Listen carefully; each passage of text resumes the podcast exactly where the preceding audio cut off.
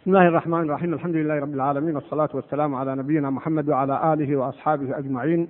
أما بعد وقفنا عند قوله تعالى فأوحينا إلى أم موسى أن أرضعيه فإذا خفت عليه فألقيه في اليم ولا تخافي ولا تحزني إنا رادوه إليك وجاعلوه من المرسلين.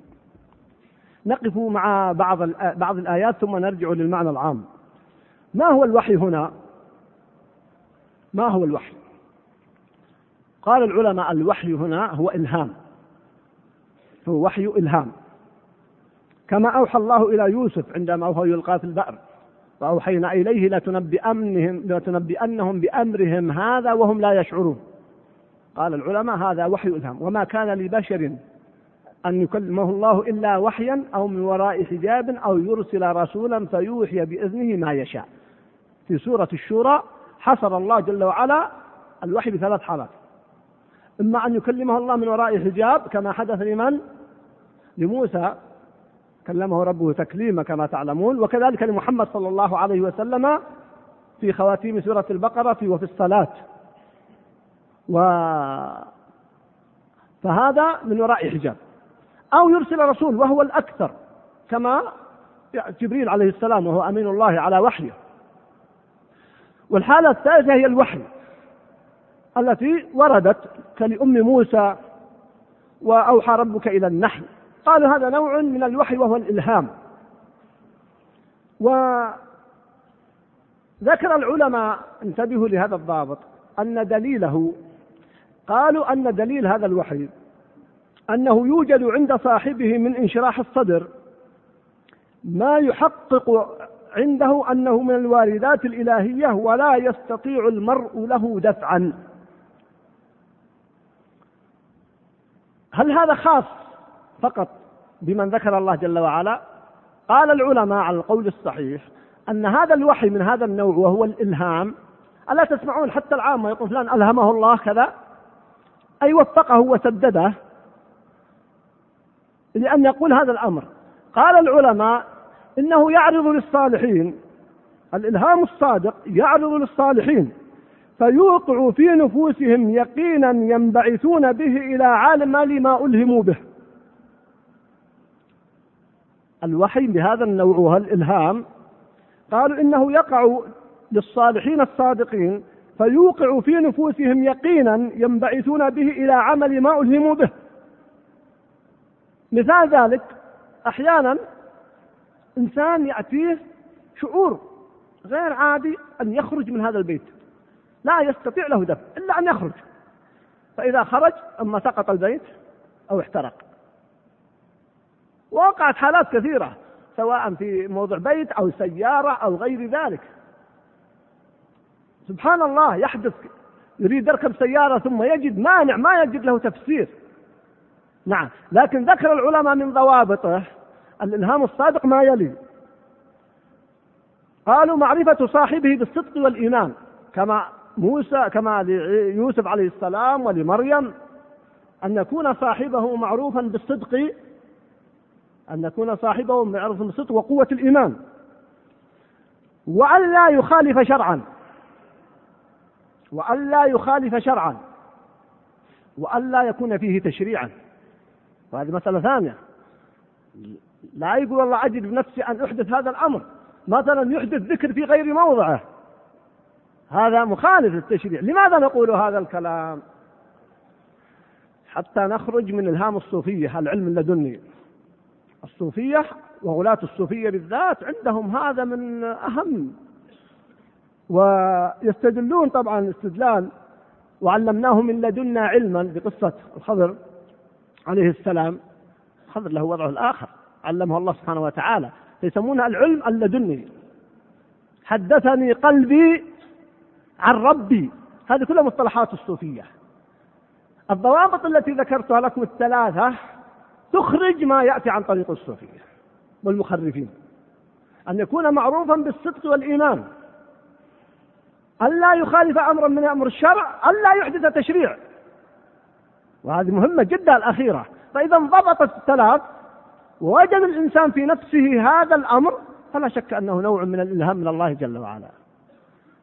أذكر لكم قصة فيها طرافة وأعقب عليها. شيخنا الشيخ جميل غازي رحمه الله وهو من أئمة أهل السنة في هذا العصر توفي قبل سنوات بالسرطان مع أنه لم يبلغ الستين في الخمسين رحمه الله. كان داعية ومعروف وبالذات من جماعة أنصار السنة في مصر. والتقيت معه في الحج.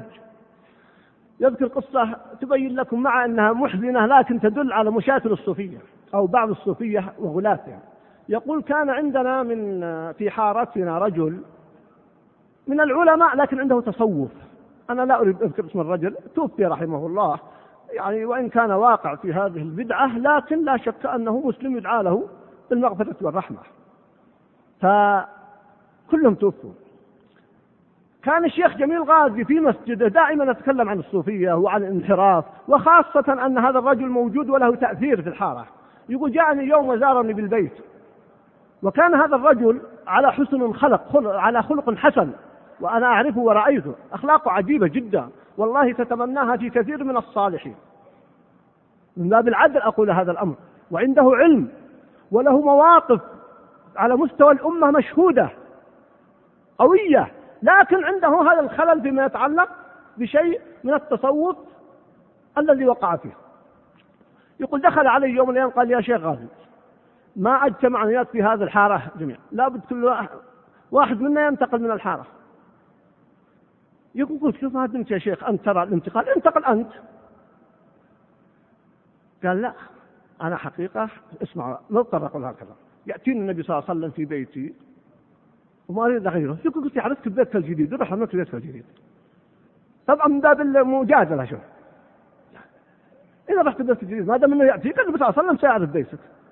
ثم يقول نصحتك قلت اتق الله يا شيخ أنت في علمك وفضلك ومكانتك تقع في هذا البلاء؟ تخيلات شيطانية. نعم. لا شك هذا باب باب شر عظيم اذا فتح ولذلك ذكرت هذه الضوابط. حتى لا نقع في هذا الإشكال.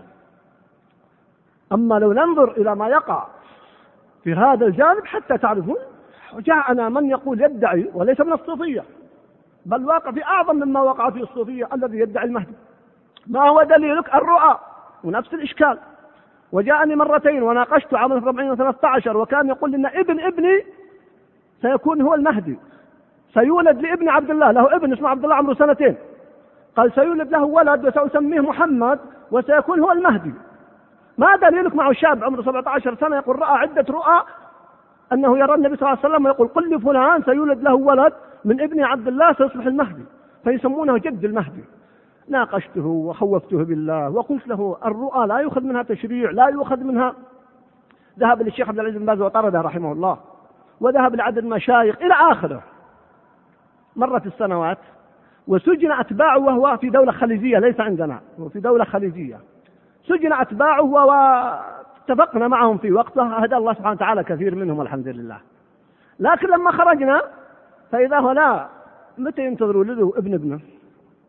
صار هو المهدي الآن. نعم إخوان والله ما أكذب عليه ورسائله عندي موجودة. صار هو المهدي. فقلت للناس اللي يأتون مقتنعين فيه قلت هو كاذب في إحدى المرتين. تنزلا هو كاذب في الثنتين كلهم أنا بالنسبة لي أنا مقتنع إنه كاذب في الثنتين كلهم لكن قلت تعالوا ناقشه مو كاذب في إحدى الثنتين. هو يقول لي وقال لي غيري أن ابن ابنه هو المهدي وعاش سنوات على هذه القناعة. الآن لا بطل. صار هو المهدي. أيهما كاذب هو وأنا أقول لكم كاذب الثنتين. لأنه يدعي أن النبي صلى الله عليه وسلم سيخرج في آخر الزمان وسيسلمه هو الراية. ويستدل بآية لم يفسرها للباطنية كابن سبع إن ربك لرادك إلى معاد كما في سورة القصص. يستدل بهذه الآية. والعلماء بينوا أن تفسير هذه الآية أن لما خرج من مكة أنزل الله عليه هذه الآية في سورة القصص. ستأتينا أنه سيردك إلى مكة. وقد دخل فاتحا صلى الله عليه وسلم. وهم يفسرون أنه يأتي آخر هذا آخر الزمان ومن من قال بذلك ابن سبأ. فهذا البلاء الاعتماد على الرؤى وأخذ منها تشريع. لاحظتم كيف؟ أو مخالف الأمر من الشريعة. أو يقول إنسان غير معروف بالصدق. كل هذا فكذلك نصل إلى هنا وأوحينا إلى أم موسى أن أرضعيه. فإذا خفت عليه فألقيه في اليم ولا تخافي ولا تحزني إنا رادوه إليك وجاعلوه من المرسلين. في قاعدة ذكرها العلماء جميلة جدا من هذا قالوا قاعدة يؤخذ منها قاعدة شرعية من هذه الآية قالوا يدفع الضرر المحقق بالضرر المشكوك فيه. يدفع الضرر المحقق بالضرر المشكوك فيه. كيف؟ انتبهوا ترى هذه القاعدة سينبني عليها أحكام. لأن الله قال لأم موسى فإذا خفت عليه طبعا يعني إذا جاء يأخذونه معروف ماذا سيفعلون؟ سيقتلونه كما هي سنتهم وعادتهم. فألقيه في اليم. الإلقاء في اليم وارد أن يغرق. أليس كذلك؟ الإلقاء في اليم بغض النظر عن حفظ الله جل وعلا هذا لا شك فيه ومراد. لكن بالنسبة لها هي إلقاء في البحر يرد لكنه في صندوق طبعا ما ألقته هكذا. ألقته في تابوت في صندوق. فهي أنقذته من الضرر المحقق. قال إذا تحقق لديك غلب على ظنك الضرر المحقق وهو أخذ من بني إسرائيل لقتله فألقيه في اليم. قال العلماء الضرر المحقق يدفع بالضرر المشكوك فيه. مثال لو أنه إنسان حدث حريق نسأل الله يحفظنا وإياك بالدور الثالث أو الرابع ودخل غرفته وهو عنده بعض أولاده ماذا يفعل؟ قالوا يجوز له أن يرميهم إذا شاف الأمر انتهى ما بقي إلا أن يختنقوا أو أن يحترقوا. أن يرميهم رميهم على الشارع احتمال أن يموتوا واحتمال أن ينجوا كما حدث كثيرا. يمكن يستقبلوا من الناس يمكن أبدا. كم من الناس سبحان الله يسقط من أدوار أعلى. نعم. وينجو ومن الطرائف اللطيفة هنا يقال إن نصراني ذهب إلى قرية من القرى وجلس فيها ثلاث سنوات ثم رفع إلى أيام استعمار البريطاني إلى زعيمه قال خلاص أهل القرية كلهم تنصروا يبغى تقرير. فذكي زعيمه النصراني جاء للقرية وقال اجمعهم لي فجمعهم في صعيد واحد. قال بيتأكد هل فعلا تنصروا أو لا؟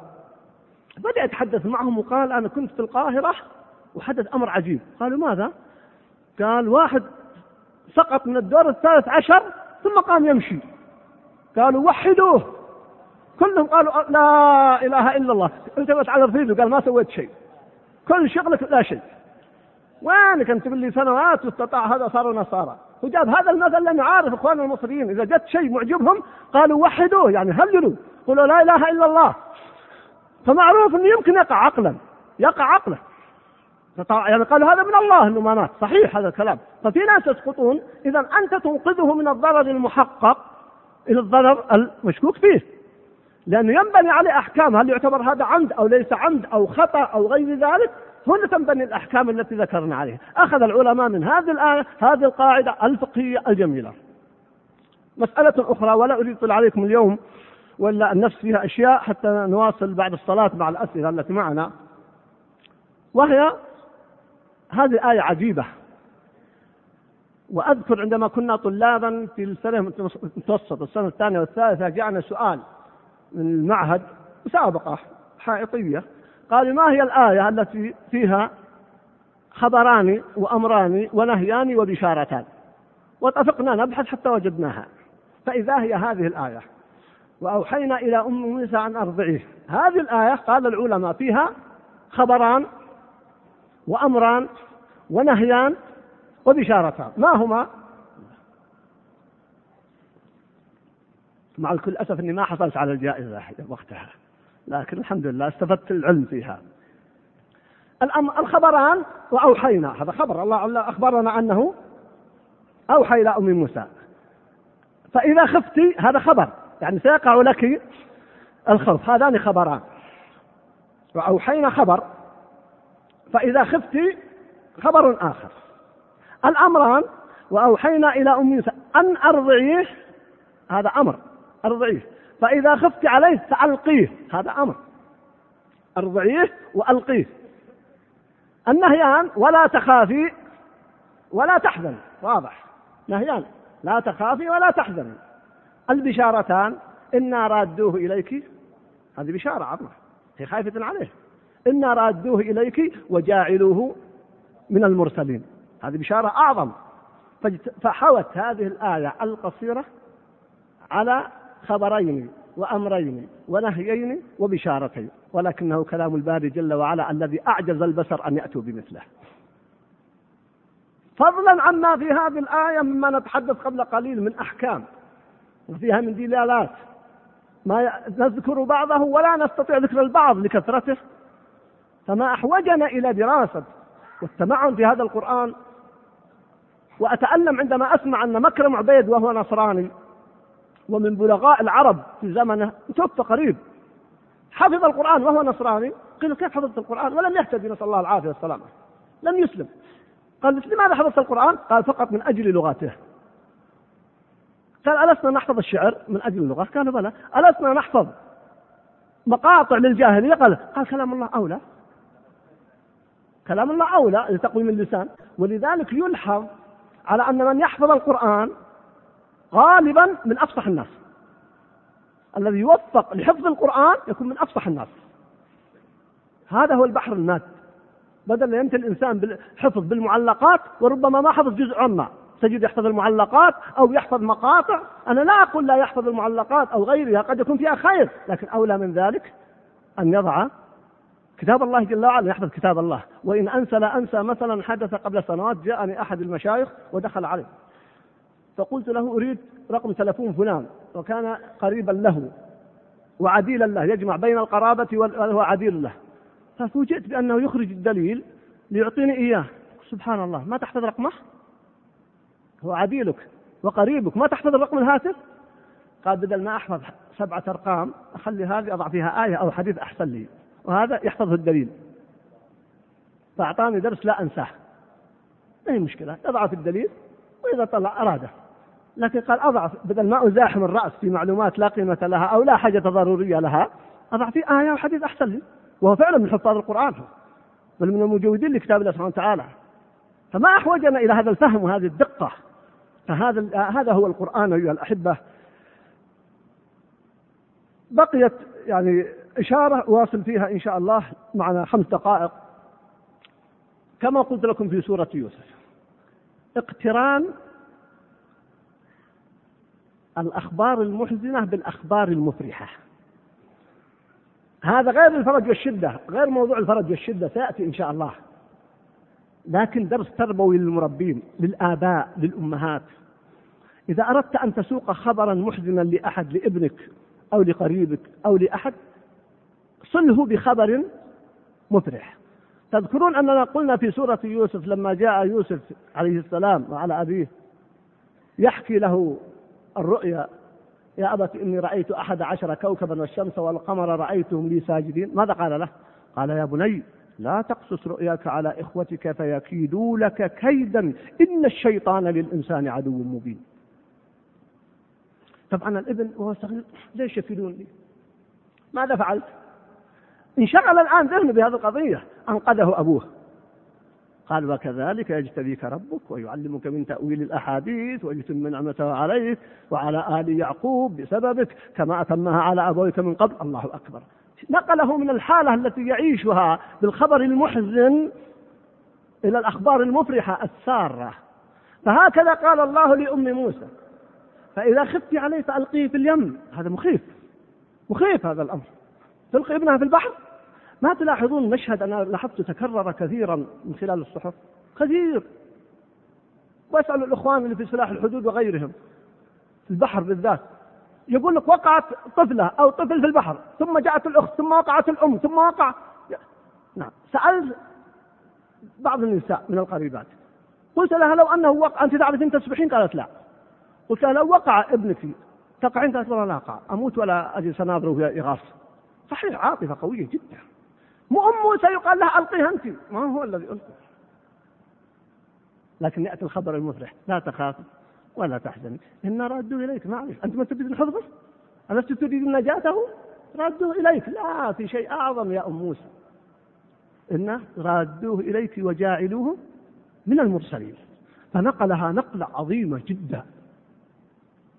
بعد أن أمرها الأمر الصعب وهو الإلقاء في البحر ولذلك لما أمر الله جل وعلا إبراهيم عليه السلام بالرؤيا ورؤيا الأنبياء حق أن يذبح ابنه إني أرى في المنام أني أذبحك. فانظر ماذا ترى. تتصورون أن ذبح الإبن سهل؟ لا ليس سهل. لكن إبراهيم عليه السلام والإبن قال يا أبت افعل ما تؤمر ستجد إن شاء الله من الصابرين. ما قال لا ما راح يصير شيء. لا بصبر فلما أسلما استسلما وخضع لأمر الله. وتله للجميع وناديناه أي يا إبراهيم قد صدقت الرؤيا إنا كذلك نذبح ثم ذكر الله ماذا حدث له بالذبح العظيم وغيره. فكذلك هنا أعطاها الخبر لا تخافي ولا تحزن إنا رادوه إليك وجاعلوه من المرسلين. فيا أحبتي الكرام أيها المربون أيها الآباء أيها الأحبة صلوا أوامركم أو أخباركم للمرضى وللمصابين ولغيرهم ولمن تنقلون لهم خبرا صلوه بماذا؟ صلوه بالأخبار السارة لأن النفس البشرية ضعيفة قد لا تتحمل قد تعطيه خبرا فيموت لكنك تمهد له وتعطيه حتى عند إجراء العملية للمريض على الطبيب أن يقول إن شاء الله عملية طيبة وعملية يرجى لها النجاة إلى غير ذلك ومع الصبر وإلى غير ذلك من الأخبار المفرحة. هذا منهج قرآني. يسوق الخبر الذي في شيء من الحزن بأخبار سارة ومفرحة. وعواقب وهكذا كان يفعل رسول الله صلى الله عليه وسلم وهو منهج نبوي مضطرب فحري بنا أن نقتدي بهذا المنهج القرآني وهو منهج النبي صلى الله عليه وسلم في حياتنا وتعاملنا وأخبارنا. أقول قولي هذا وأستغفر الله لي ولكم ونواصل إن شاء الله بعد الصلاة. وأكرر لأن بعضهم ربما لم يسمع أن الدرس سيبدأ الساعة العاشرة ليلا في أول ليلة من رمضان يوم الأحد ليلة الاثنين. في الساعة العاشرة وصلى الله وسلم على محمد. السلام عليكم ورحمة الله وبركاته.